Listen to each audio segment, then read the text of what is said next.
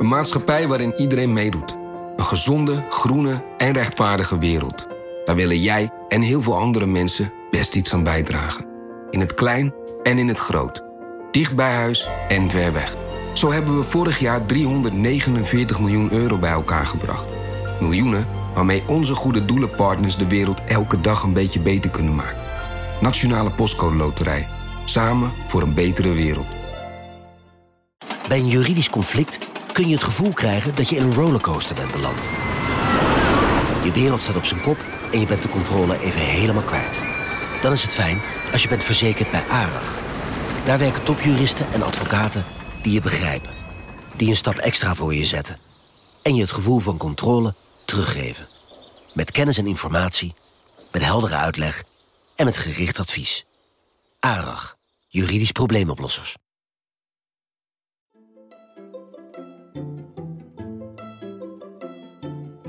Welkom. Wij zijn Onbehaarde Apen, een podcast van NRC over wetenschap.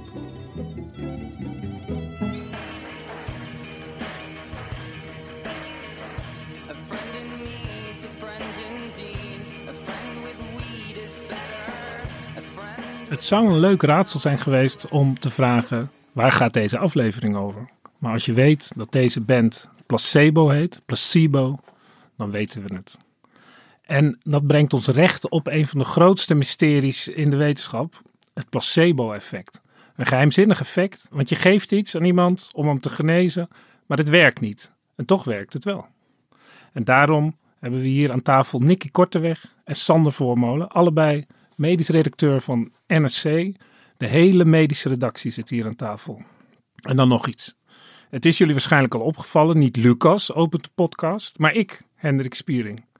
Onze vaste onbehaarde apenpresentator belde net op. Hij is nu al vader geworden. Hey, Lucas hier met een leuk nieuwtje, althans voor mijzelf. Ik heb een eigen onbehaard aapje gekregen en eh, een dochtertje. Ik ben nu dus vader. En dat betekent dat ik de komende weken niet zal aanschuiven bij onbehaarde apen. Tot over een tijdje. De komende week zullen we weinig van Lucas zien. We zullen het voorlopig met ons moeten doen. Oké, Sander, terug naar Placebo. Jij kent die band, hè? Ja, ja, ja, ik ben er fan van, ja. Maar waarom? Ik bedoel, Nou, het is gewoon leuke muziek, maar los daarvan was het wel erg toepasselijk. Want ze hebben eh, eh, hun bandnaam een beetje eh ballorig gekozen. Eh, namelijk omdat eh, al de bands eh, die, die waren genoemd naar een drugs in de jaren tachtig. Dus die heette, heette chloroform of dat, soort, dat soort namen. Maar zij dachten, wij doen het anders. Wij doen placebo. En eh, eh, ook vanwege de betekenis die het woord heeft. Want dat betekent, ik zal behagen. ja, het is, het is heel, heel dienstwillige artiesten zijn het eigenlijk. Ze treden op Ja. ten gunste van het publiek. Dat Ja. vind ik wel mooi van die naam. En Niki, jij bent er vandaag ook. Ehm, heb jij, wat is jouw ervaring met het placebo-effect? Eh, pas je het zelf wel eens toe? Absoluut pas ik dat toe. Ja, zeker. Toen mijn kinderen klein waren, heb ik natuurlijk regelmatig kusjes op geschaafde knieën gegeven. Om de pijn te verzachten. En werkte dat ook? Dat werkt eh, meestal wel, ja. ja. Ik En- heb wel eens een hele boze peuter eh, gehad die schreeuwde. En een kusje helpt ook niet. Ja, dan zijn ze misschien wel al wat ouder. nee, maar ik pas het eigenlijk nog steeds wel toe hoor. Als familieleden ziek zijn, dan, dan vertel ik gewoon geruststellende dingen over de, over de pijn die ze hebben. Dat het snel over zal gaan. Of dat het wel niet zo'n ernstige ziekte zal zijn. En eh, ja, dat werkt toch ook. We zijn heel blij dat we jou op de redactie hebben. tegenwoordig. Het komt allemaal goed. Maar vandaag gaat het dus over placebo's. Niet over de band, maar over het middel wat niks is en toch werkt. En het placebo-effect. Ik heb van jou begrepen, Sander, dat we dat uit elkaar moeten houden. Je Ja, het dat zijn placebo en het placebo-effect. Ja, het zijn verschillende dingen. Want eh, als we het hebben over het placebo, dan kun je denken aan een, eh, een suikerpilletje. Daar zit geen eh, medicijn in, maar eh, dan kun je dus wel een effect bereiken door de suggestie dat dat iets gaat doen. Maar een, een echt medicijn, daar zitten natuurlijk gewoon de werkzame stoffen in. En daar zit ook een placebo-effect in. Want het is niet alleen de werkzame stof die iets doet, maar ook de suggestie dat je iets gaat doen. Ik sprak daarover met eh, Andrea Evers. Zij is hoogleraar gezondheidspsychologie in Leiden en zij legt het nog eens even goed uit. Het placebo-effect is een positief effect van een behandeling, wat niet toe te schrijven is aan de behandeling zelf, maar enkel tot stand komt door de positieve verwachting of vertrouwen wat een patiënt in de behandeling heeft. En het mooiste voorbeeld is bijvoorbeeld het kusje tegen de pijn, wat we allemaal kennen en bij velen van ons een heel goed effect heeft gescoord. Maar het is dus een positief effect wat je toeschrijft aan de verwachting. Ja. Maar hoe weet je dat het de verwachting is en niet een onbekende werking van het medicijn? Dat kan ook. Nee, maar je, je, je, die verwachting moet je wekken natuurlijk. En eh, daar hebben ze bijvoorbeeld een heel leuk proefje mee gedaan. Met eh, eh, studenten die moesten hun hand in ijswater houden. Nou, dat is eh 0 graden, dus dat, is, dat hou je niet heel lang vol. Ja, dat is de manier om in de wetenschap mensen pijn te geven, Ja, geloof ik. precies. Ja, ja. Een heel simpel proefje. Ja, want je mag ze niet op de vingers slaan, Nee. maar een hand in ijswater, dat eh En- goedgekeurd. Nou, Andrea Evers heeft dat op tv laten zien. Hebben ze gewoon studenten genomen en die hebben ze eh, met hun hand in ijswater laten zitten. En dan hebben ze twee ijsbakken gemaakt. Eentje met blauw gekleurd water, eentje met geel gekleurd water. En hebben ze bij verteld van in dat gele water, daar hebben we een pijnstiller in gedaan. En er vervolgens is gemeten van hoe lang hou je je hand erin. En dan blijkt dus dat ze in, in dat koude eh, althans, wat ze dachten dat koud was, daar houden ze hun handen veel korter in dan in het gele water. We kunnen ook nog even meeluisteren naar die studenten die dan vertellen hoe het was om een hand in een gele bak met ijswater te doen, waarvan ze dachten dat er verdovingsmiddel in zat, maar dat was helemaal niet zo. Ik voelde de pijn vooral niet meer door, of tenminste, ja, dat gevoel trok niet meer door naar boven. Want stekende pijn was minder en die tinteling die kwam er net wel in deze bak. Alleen eh, minder heftig. Maar de vorige keer begon ik een beetje te trillen, had ik het idee, en voelde ik het doortrekken en nu niet meer. Ja, het is eh, zo dat dit geen onderzoek was naar een pijnverlichtend middel, maar dat we het effect van placebo's hebben onderzocht. Oh, wat grappig. wat leuk, omdat mijn lichaam er wel anders op reageerde. Dan is het toch ook wel makkelijk om mensen misschien te beïnvloeden. Als in, u heeft me best wel beïnvloed natuurlijk nu met uw woorden gewoon alleen al. Dat ik zelfs daardoor minder pijn dacht te voelen. Dus dat vind ik dan wel, dat vind ik fascinerend. Ja, niet alleen de woorden, maar ook de kleur. Dus Ja, je ziet ook verschil. Ja, precies. Ja. En, en die kleur heeft natuurlijk ook een associatie, want blauw associeer je al automatisch met koud. Ja. Dus dat, eh, daar zit ook al een dingetje in. En eh, nou ja, Andrea Evers had eh, een keurig een witte lapjas aan, dus ze zag eruit als een dokter. En die zal dat wel weten, dus dat draagt ook bij aan die suggestie. Maar het is ook bekend dat als je eh, erg pijn hebt en er komt eh, iemand bij je zitten waar je van houdt, dan voel je ook minder pijn. Ja. Is dat dan ook een placebo-effect of is dat dan een sociaal effect? Of, Ja, dat noemen ze dan sociale pla- placebo. Echt waar? Ja, ja. Ja, want als er iemand, eh, als stel je hebt er allebei hoofdpijn en eentje neemt de pil, eentje neemt de neppil en, eh, en, eh, en ze zeggen tegen elkaar van nou, ik voel de pijn al wegtrekken. Nou, dat, dat werkt dus. Dat is de sociale placebo. Dus alles wat niet via een materiële, lichamelijke manier te verklaren is, dat, dat wordt dan placebo genoemd. Ja, ja dat is een soort, eh, eh, Een soort magie eigenlijk. Nou ja, het is een psychobiologisch effect. Dus eh, het werkt via je, je geest en, en daardoor heb je een positieve verwachting van wat er gaat gebeuren.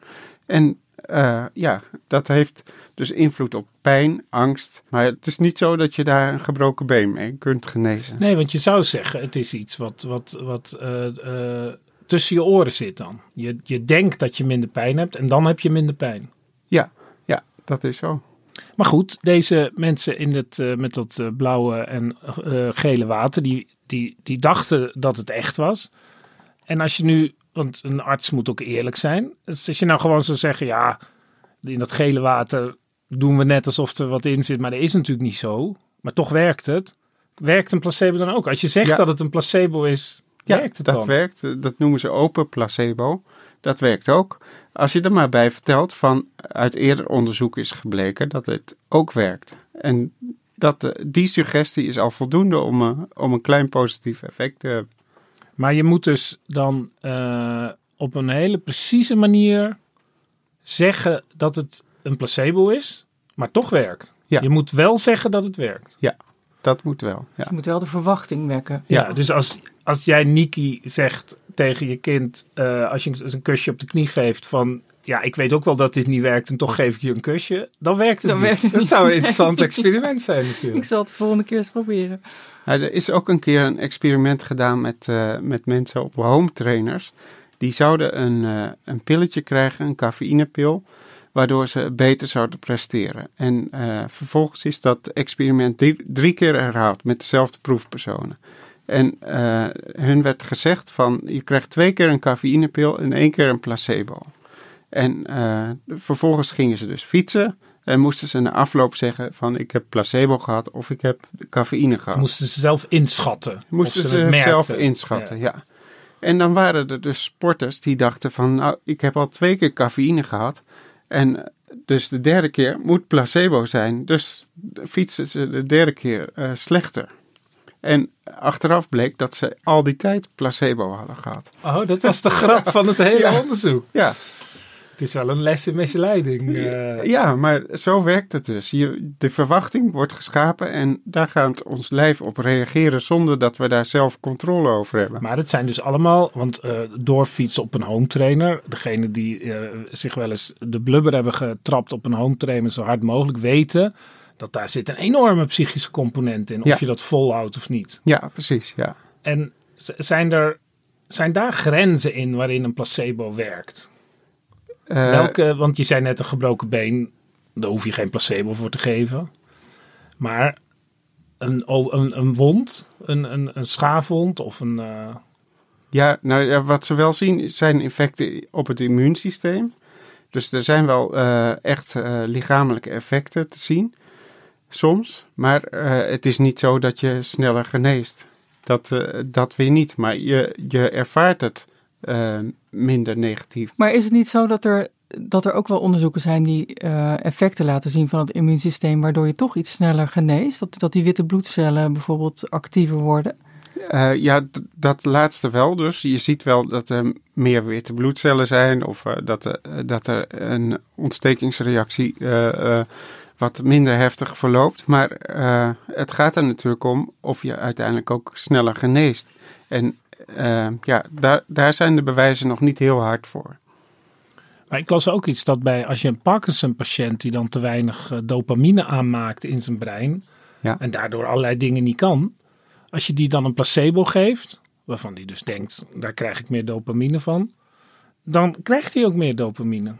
Ja, de vraag is of dat dan ook de dopamine is, de- dat er meer dopamine in zijn hersenen vrijkomen, of dat eh, de effecten van die dopamine anders worden.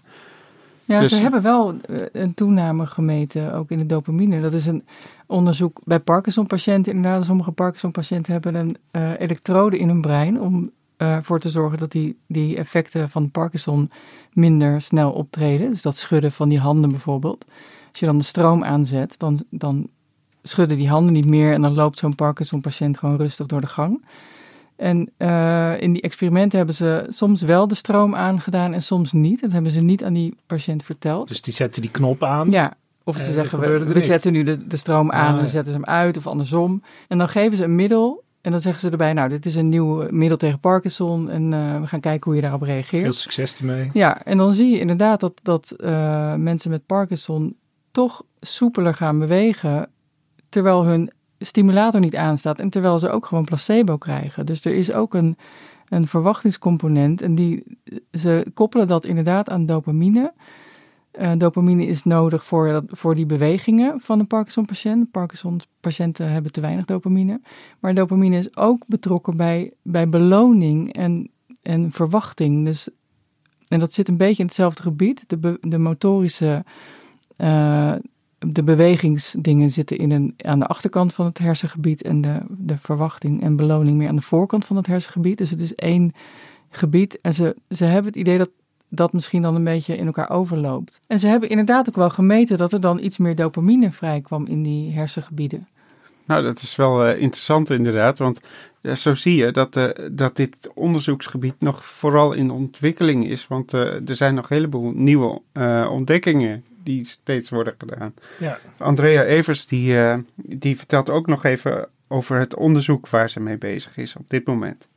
Nou, eh, we hebben nog veel te onderzoeken voor deze effecten, vooral hoe die psychologische aspecten van dat vertrouwen en die verwachting zich vertalen naar neurobiologische mechanismen die dan rechtstreeks weer een invloed hebben, bijvoorbeeld op de endogene pijnstillers of andere hersenmechanismen die daarin een rol spelen.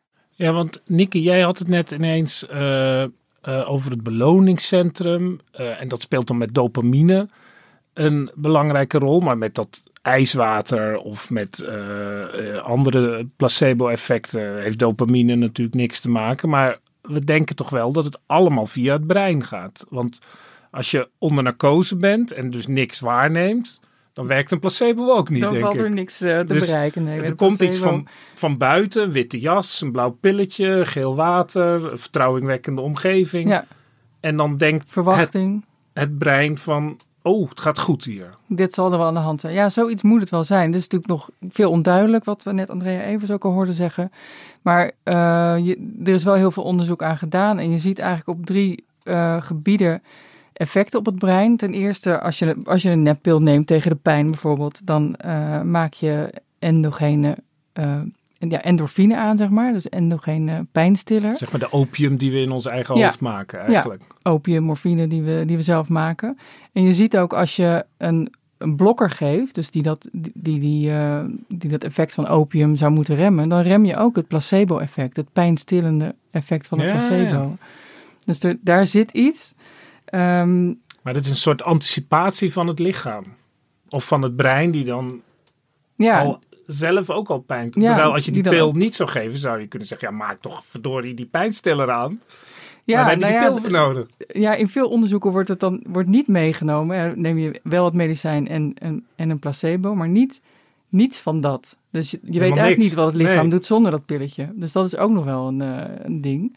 Maar Het ja, autonome placebo-effect. Ja. Zeg maar. Het zelf, zelf eh, eh, verleiding, of hoe zeg je, Ja. misleiding. nou ja, Zelfmisleiding. dat schijnt wel te kunnen inderdaad. Dat Een je jezelf kunt trainen om gewoon beter tegen pijn te kunnen. Nou ja, dat blijkt ook wel uit onderzoek. Dat, dat ze dus pijnstillers geven op, op maandag tot en met vrijdag.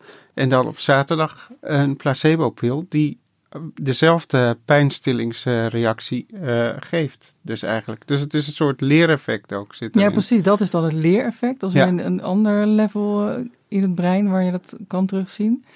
En je hebt ook nog ja, het effect van, van de omgeving, hè, de witte jas en de dingen en de- het vertrouwen van eh, degene die je eh, placebo geeft. Wat je die innerlijke verwachting schept. En daar heeft dat beloningscentrum ook een rol bij. Dat is meer Pavlov-achtig. eh. nee, dat leren is meer Pavlov. eh, Oh ja. ja. Maar de- het is dus, ik heb ook wel eens begrepen dat eigenlijk het brein de hele dag niks anders doet dan verwachten wat er dadelijk zal gaan gebeuren. Heel veel systemen zijn daarop gebaseerd om dan klaar te zijn. Ja, het klassieke voorbeeld is als de tijger uit de bosjes komt. Ja. Maar dat komt natuurlijk in werkelijkheid heel weinig voor. Maar dus als je dan verwacht dat je minder pijn zal hebben, hè, want dat is dan wel het belangrijkste placebo-effect, toch? Dat je minder pijn voelt Ja. dan voel je het al, terwijl het dus.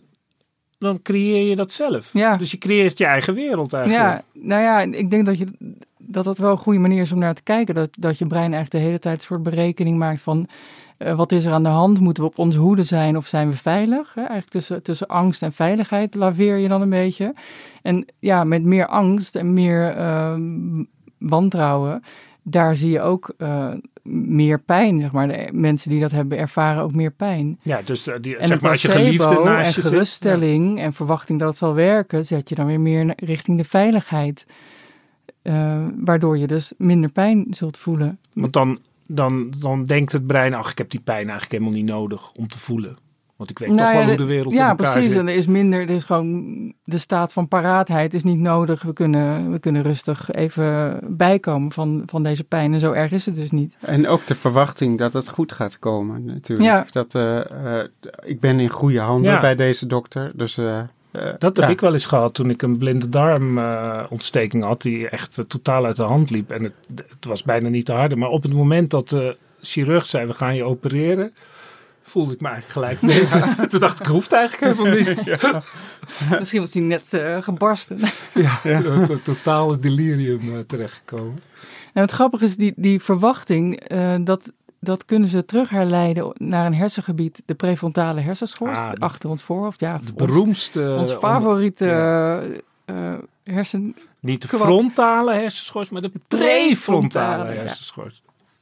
Ja, die is dus eh, die is betrokken bij dat placebo-effect. Want je ziet bijvoorbeeld als je met een, eh, met een grote magneet, een eh, repetitive transcranial magnetic stimulation, RTMS, als je daarmee die eh voorkwap platlegt, dan zie je dat er geen placebo-effect is bij gezonde vrijwilligers. Maar je ziet ook, er is één studie Dus als je dat bij die studenten zou hebben gedaan... ja, met dan zouden ze het net zo koud vinden ja. als de blauwe bak. Want de verwachting is weg dan. Dus eigenlijk. Ja, kennelijk leg je daar een, iets van die verwachting mee plat. En dat is ook teruggevonden bij één onderzoek bij eh, mensen met de ziekte van Alzheimer. Ja. Als je die een placebo geeft en je vertelt erbij dat het een pijnstiller is. In, in de vroege fase vond die onderzoeker eh, dat die mensen gewoon daarop reageerden. Hè, net als gezonde vrijwilligers, dat je dan Ze minder pijn voelt. Ze begrepen het. Maar een jaar later heeft die onderzoeker hetzelfde nog een keer gedaan bij diezelfde patiënten. Die waren toen natuurlijk veel verder al eh, achteruit gegaan. En toen kon hij dat placebo-effect niet meer eh, reproduceren. Dus het lijkt erop dat, dat eh, die prefrontale hersenschors, die is, die is daar ook niet meer zo Mhm. functioneel. Er zijn ook minder verbindingen met de rest van het brein. Dat je die verbindingen nodig hebt om, de- om dat verwachtingseffect eh, te kunnen doorgeven Maar naar de rest van je brein. dat brengt ons op het feit, eh, hoeveel bewustzijn, zelfbewustzijn heb je nodig om een placebo-effect te hebben. We hebben het hier wel eens over hallucinerende paarden gehad. Mhm. Daar dachten we toen verschillend over, weet ik nog. Maar Nou, het kun je bij dieren ook een placebo-effect Het krijgen? werkt ook bij muizen. Je kunt mu- muizen ook leren om een pijnstiller. eh, eh, dus je laat ze wennen aan een pijnstiller en je geeft ze daarna placebo. En ze reageren dus, Dus- minder op pijn. Ja, ze, ze drukken dan zelf de knop in om een pijnstiller te krijgen. Nou, nee, Of- nee, dat, is, eh, Oh, dat is dat doen ze meestal met zo'n zo'n eh, bodem die heet wordt. Dan gaan ze Oh, ergens anders zitten in een hok. En eh, ja, zo kun je dus meten of de muis eh, voelt of die pijn heeft. Oh ja, en dat ze Ja, dus... eh, Dus eh, ja, op, ja. op het hete plaatje ligt dan het voedsel. En eh, nou ja, eh, wat is belangrijker, de hitte of het voedsel? Eh, daar, daar kun je dus iets aan meten. En als je dan hem een placebo geeft, hij is gewend dat er pijnstillers bestaan. Dat is dan wel de voorwaarde. Ja. En dan blijft hij langer op dat plaatje staan, terwijl hij dus eigenlijk gewoon niks heeft gehad. Ja, precies. Het is trouwens wel een podcast waarin we de vreedheid van de medische wetenschap eh, en misleiding en eh, iedereen wordt voor de gek gehouden. Ja. Maar goed, allemaal voor het doel eh, van de wetenschap. Maar waar houdt het dan op? Ik bedoel, ik neem aan dat een boom zal je geen placebo kunnen Nee, geven. je moet wel een soort bewustzijn hebben. Of een verwachting hebben Ja. in ieder geval. Ja. Een schildpad, vissen. ja, dat kan. Ja. Denk het wel. Ja. Hoe zie jij dat, Nicky? Zoogdieren, ja, ik, ik, ik denk het ook. Ja, een pantoffeldiertje misschien niet. Maar eh, ja, wel dieren met een hoger bewustzijn. Nou, tot, dit is het moderne onderzoek, maar ehm, placebo werkt misschien bij alle dieren, bij zoogdieren, maar hoe zit het eigenlijk in het verleden? Want eh, eh, oplichterij is zo oud als de wereld. Mensen geloven erin en het werkt en later blijkt dat ze misleid zijn, maar Ja. goedgelovigheid is van alle tijden. Hoe zit dat met de placebo? Ja, dat, eh, dat is eigenlijk al, al heel oud natuurlijk. Want eh, allerlei natuurgenezers, die, die maken eigenlijk ook gebruik van het placebo-effect. En eh, ja, zonder het eigenlijk zelf te weten. Want eh, ja, daar, dat eh, besef Ja, heel is veel- pas la- veel later doorgedrongen. Heel veel rituelen zijn natuurlijk Ja. ook ingewikkeld, complex en dan ga je erin mee. Ja. En dan eh, werkt het als placebo. Ja, want in de, in de 18e eeuw hadden ze bijvoorbeeld een soort eh, metalen pincet. waarmee je de ziekte uit patiënten kon trekken. En, Handig. eh, ja, en, en dat werkte. Eh, en daar moest je veel geld voor betalen. Dat was met magnetisme, denk ik, of niet? Ja, dat zeiden ze natuurlijk. Hè? Dat hoort bij het ritueel. En dan zeg je gewoon van... als ik zo vastpak, dan, dan trek ik het eruit. En dan... nou ja, dat, eh, dat werkte dus voor, waarschijnlijk vooral bij pijnklachten of angst of, eh, of waanbeelden. Want dat zijn nou juist de dingen waar placebo heel goed werkt. Eh, maar toen was er een Engelse slimmerik, die heette John Haycart. En die zei van, nou, misschien lukt het ook wel met houten pincetten. En dat lukte en die zijn veel goedkoper. Maar Dus- die geloofde dus in de werking, maar die dacht, eh, ik ga eens kijken of het Nou, hij geloofde kan. eigenlijk niet in Oh, de werking, oh, ja. dus dat was ook zijn doel. En toen zei hij, ja, dit is gewoon een, een nep ding. Oh, ja. En eh, ja, toen kwam dus het besef, het is eh, placebo, maar het werkt toch. En dat woord werd toen al gebruikt. Ja, ja. En in, in, in 1811, dat is iets later, toen kwam er echt een definitie voor placebo. En eh, dat is eigenlijk eh, meer het eh, behagen van de patiënt dan dat de patiënt echt geneest. Oh Dat- ja, dat- dat, woord is overgenomen naar Ja. dat het ook echt werkt. Dat Ja. het niet alleen maar voor het plezier. Maar we hebben al heel veel onderzoek eh, langs zien komen. Maar ik, ik ken het placebo. ik denk dat bij ons op de redactie wetenschap gebruiken wij het woord placebo het vaakst.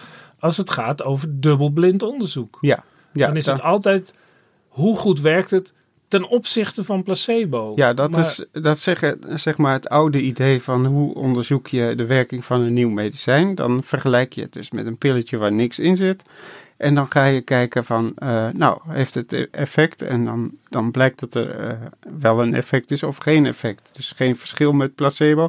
Betekent, nou, er zit geen werkzame Ja, want dat is dan het, effect in. het doel. Dat je de, niet het, het, het totale effect van de vertrouwenwekkende dokter en zijn blauwe pilletje, of wat voor kleur het ook is, dat je dat allemaal meet. Maar dat je echt meet wat er in dat pilletje zit. Ja. En wat er chemisch, biochemisch in een lichaam gebeurt. Ja, Ja, dus alleen als het duidelijk een beter effect heeft, het medicijn, dan het nepmedicijn, dan is het eh, goed genoeg om te gebruiken. Maar het is tegelijkertijd heel gevaarlijk, want placebo heeft dus, eh, zoals we al gezien hebben in deze podcast, eh, kan door hele subtiele dingen, dus de kleur van de pil of de grootte van de pil, of dat het een injectie is of een capsule, dat maakt allemaal uit voor de werking, voor de placebo-effect.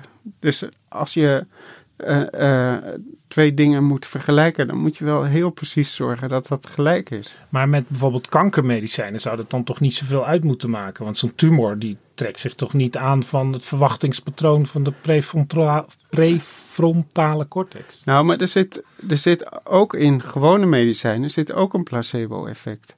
Dus die, dat is een werking die bovenop het, eh, op, op de, werking, de daadwerkelijke werking van het medicijn komt. En dat is natuurlijk ook het ingewikkelde van zo'n placebo-effect. Want ja, bij, bij sommige onderzoeken heb je een werkzame pil en een neppil. Dan kun je goed onderzoeken. Ja, die kan je namaken. Ja. Maar heel veel onderzoek leent zich daar helemaal niet voor. Terwijl het een vereiste is voor goed medisch onderzoek. Maar als je bijvoorbeeld voedingsonderzoek doet, als je wilt testen of het eten van, eh, dagelijks eten van een banaan goed voor je is. En je kan niet de andere groep een nepbanaan geven of zo, zonder Nee. dat ze dat doorhebben. Wat geef je dan? Een appel misschien. Nou ja, nee, maar dan, dat dan weer, weet je krijg het je dus appels al. en peren, Je kunt dat ja. niet blind...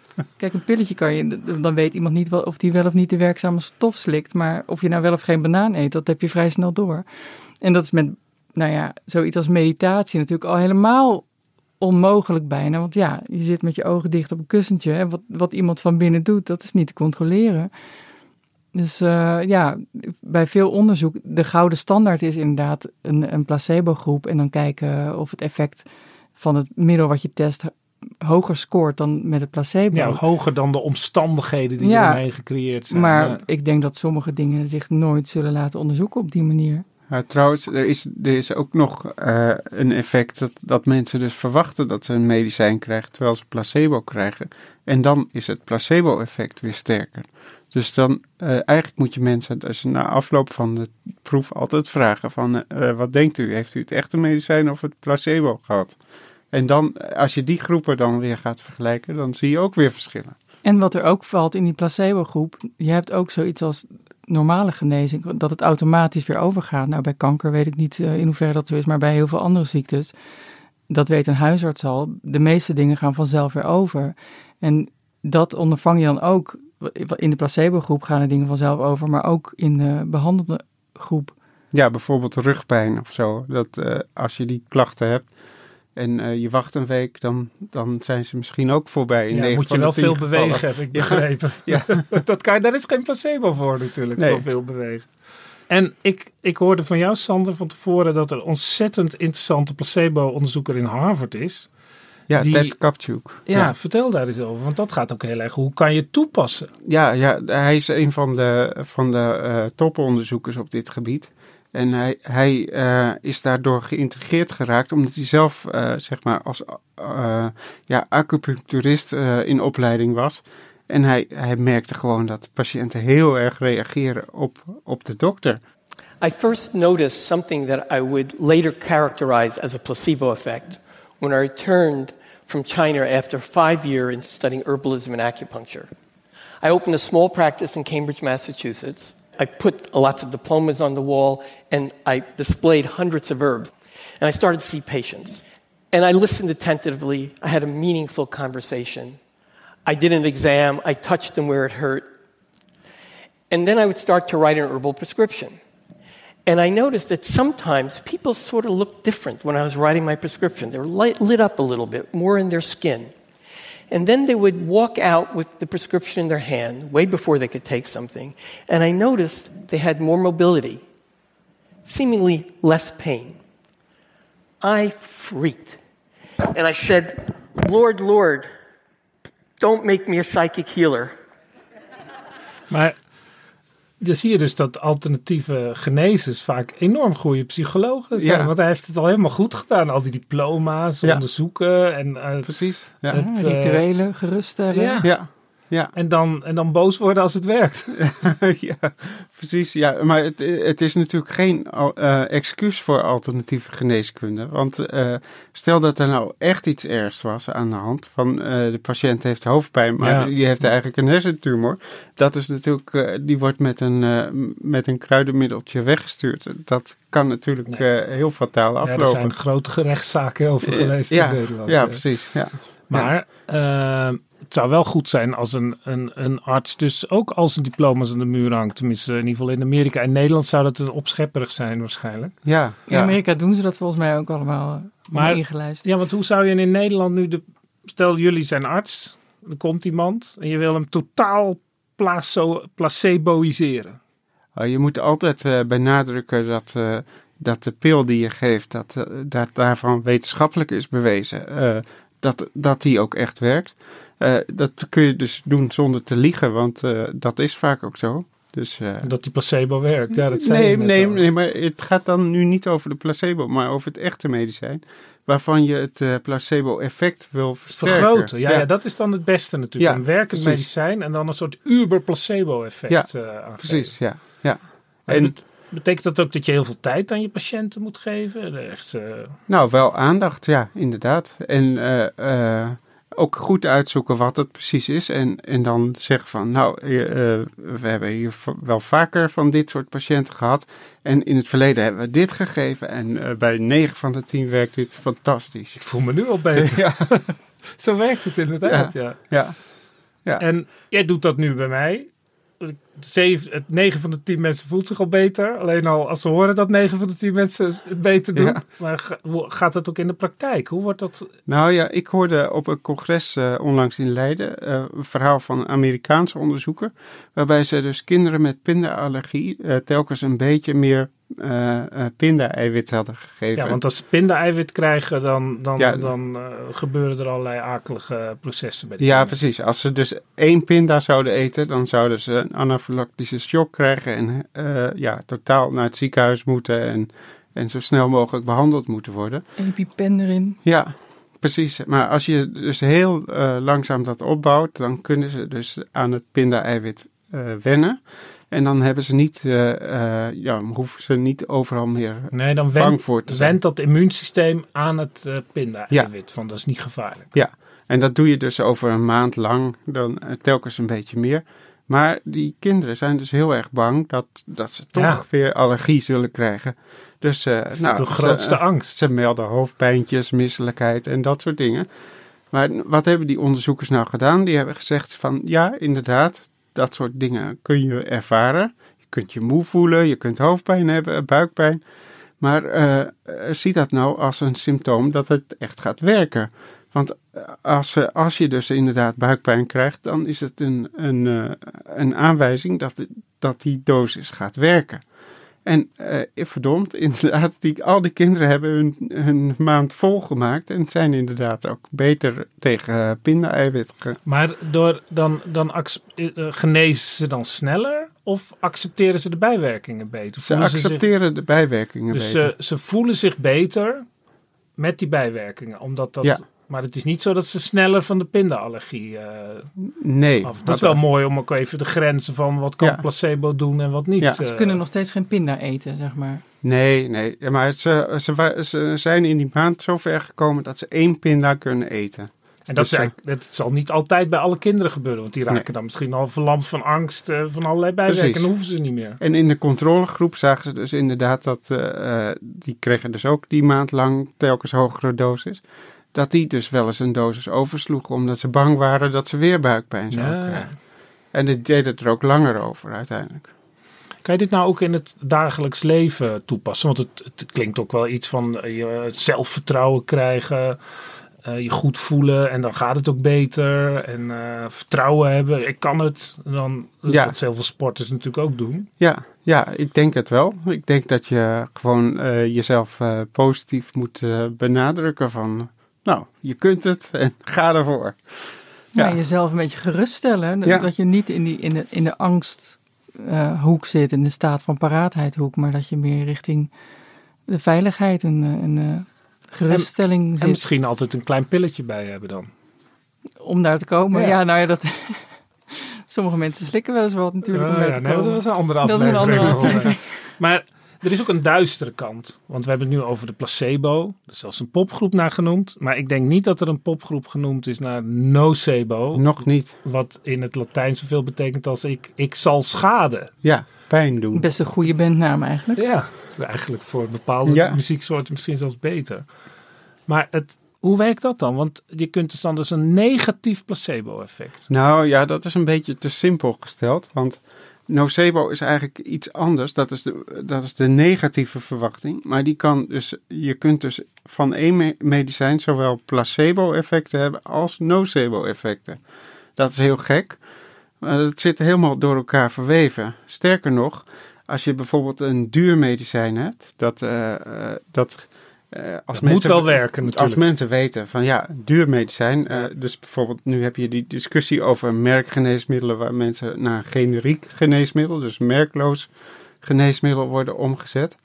Nou, dan, dan denken ze van dat werkt dus slechter. Dan voelen ze afgescheept met een goedkoop Ja. middel, terwijl het precies hetzelfde En er is. zit dezelfde stof in. Ja. Ja.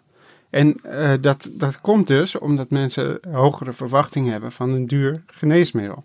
Maar eh, van een duur geneesmiddel heb je ook sterkere bijwerkingen vaak. Dus ook als je- omdat je denkt van het werkt. Het is heel beter. krachtig, dus, ik, dus dan krijg je eerder hoofdpijn of, of jeuk of, of Ja. net wat de bijwerkingen zijn. Ja, dus de placebo-effecten zijn groter, maar ook de nocebo-effecten. En hebben we daar eigenlijk iets aan, aan die nocebo-effecten? Want die placebo, dat is eigenlijk ja, het verwachtingsmanagement waardoor patiënten en ook gewone mensen zich beter voelen. Waardoor ze ook, ja, waardoor het, de genezing beter gaat, minder pijn. Maar die nocebo, kunnen we dat ook toepassen? Ja, dat moet je dus zoveel mogelijk uitbannen. Nou, dat, dat kun je bijvoorbeeld eh, eh, op datzelfde congres in Leiden hadden ze het over eh, de, de bijsluiters. Daar staat vaak in van, nou... Ja, die moet je meestal niet gaan lezen, Nee. want dan krijg je overal jeuk. ja, ja. precies.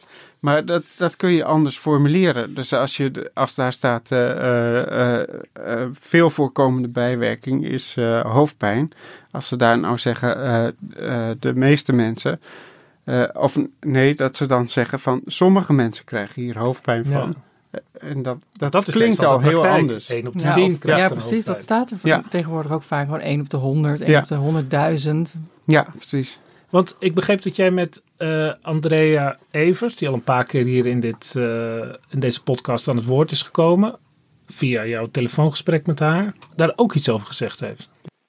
Ja, het nocebo-effect is een negatieve verwachting die dan weer ervoor zorgt dat we allerlei eh, extra bijwerkingen of nare bijeffecten krijgen van behandelingen. Eh, met name wat hierin een rol speelt zijn bijvoorbeeld ehm, stress of angst voor bijwerkingen. Terwijl bij een placebo-effect juist meer die verwachting dat iets heel positiefs zal gebeuren, dus een beloningseffect een rol speelt. Het is belangrijk dat we beide apart van elkaar onderzoeken en beide verschillende mechanismen ten grondslag liggen. Dan gaat het toch weer over die verwachtingen. Dus het- je hebt de neo- nocebo is de negatieve verwachting. Zeg maar, het zal wel weer niks zijn. En dan werkt Ja. het ook minder. En het, een, een placebo is dan dat je denkt, nou, het zal vast werken. En dan, dan gaat Dan het werkt ook, het beter, eh, ja. beter. Ja, en die stress, hè, die angst, die, die daar een grote rol in speelt. Dus eh, als je dus eh, inderdaad bang bent dat je bijwerkingen krijgt, dan, dan krijg je die vaak ook. En als je dus van andere mensen hoort van, nou, ik eh, heb heel veel bijwerkingen van dit medicijn gehad, dan, dan ervaar je dat zelf ook vaak. En hoe groot zijn die placebo-effecten nou? Want ik heb begrepen dat bij kinderen de placebo-effect, we hebben net bij het kusje al eh, gehad eh, op de knie, dat werkt vaak fantastisch.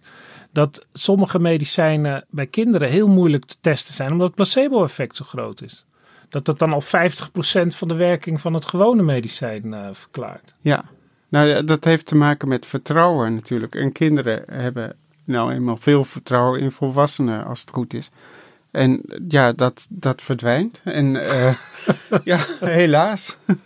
Maar eh, is, is van, je kan niet zeggen van iedere pijnstiller die werkt is eh 20% van de pijnstilling komt van het placebo-effect. Nee, want dat hangt ook af van de omstandigheden natuurlijk. Van eh, of je al eerder ervaring had met het medicijn.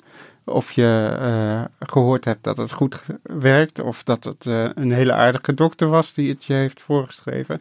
Of eh, dat het Ja. in een mooi doosje zat. Dus dat is echt het echte leven wat eh, die Ja. placebo dan eh, bepaalt. Ja, Het is ook wel, je hebt toch mensen die gevoeliger zijn voor het placebo-effect dan anderen. ja. Hoe, hoeveel procent van de mensen, zeg maar, eh, valt in die placebo-groep? Ik denk dat placebo bij iedereen werkt, maar eh, wel in verschillende maten. En dat heeft te maken met ieders eh, eigen ervaring van eh, wat heb je meegemaakt en eh, wat zit daarvoor. Ja, heb je vertrouwen in die witte jas Ja. of niet? Dat is Ja. natuurlijk, ja, de een heeft het wel en de ander niet door, door ervaringen. Dus dat is, dan komen we toch weer op het mysterie van de placebo. Ja, het blijft nog Ja, steeds het een mysterie. Ongrijpbaar. Ja. Nou, ik geloof dat eh, we kunnen concluderen dat verwachtingen effect hebben, maar we weten niet altijd onder welke omstandigheden en hoe. En ik spreek de hoop uit, en ik denk dat ik namens ons, de, de gehele medische redactie Ja. eh, spreek, dat het luisteren naar deze podcast een welbehagen is geweest voor de luisteraar. En ik ben er eigenlijk wel van overtuigd, want het blijkt uit onderzoek dat dit soort dingen vaak goed werken. Ja, dan kunnen we nu onze witte jassen uittrekken. Bedankt dus Niki Korteweg en Sander Voormolen dat jullie waren. Misha Melita bedankt voor de productie. Onze tune is als altijd gespeeld door het eh Dudok kwartet. En voor de liefhebbers zeg ik nog maar even, de tune is dus een deel uit een strijkkwartet van Maurice Ravel. Maar u nu helemaal goed gemutst door het luisteren naar deze placebo podcast. Het meest bedankt voor het luisteren. Dit was Onbehaarde Apen. Vergeet je niet te abonneren en als je deze podcast leuk vindt, dan vinden je vrienden, familieleden, collega's, buren, placebo-genoten het ook vast leuk om naar te luisteren. Spread the word. Tot volgende week.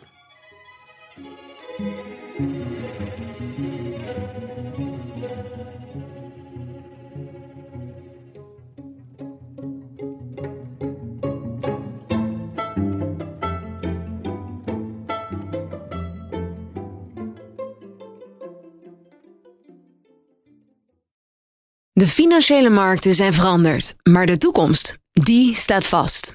We zijn in transitie naar een klimaatneutrale economie. Dit biedt een van de grootste investeringskansen van onze generatie. Een kans voor u om mee te groeien met de pioniers van morgen. Meer weten? Ga naar carbonequity.com. Carbon Equity. Do good by investing better.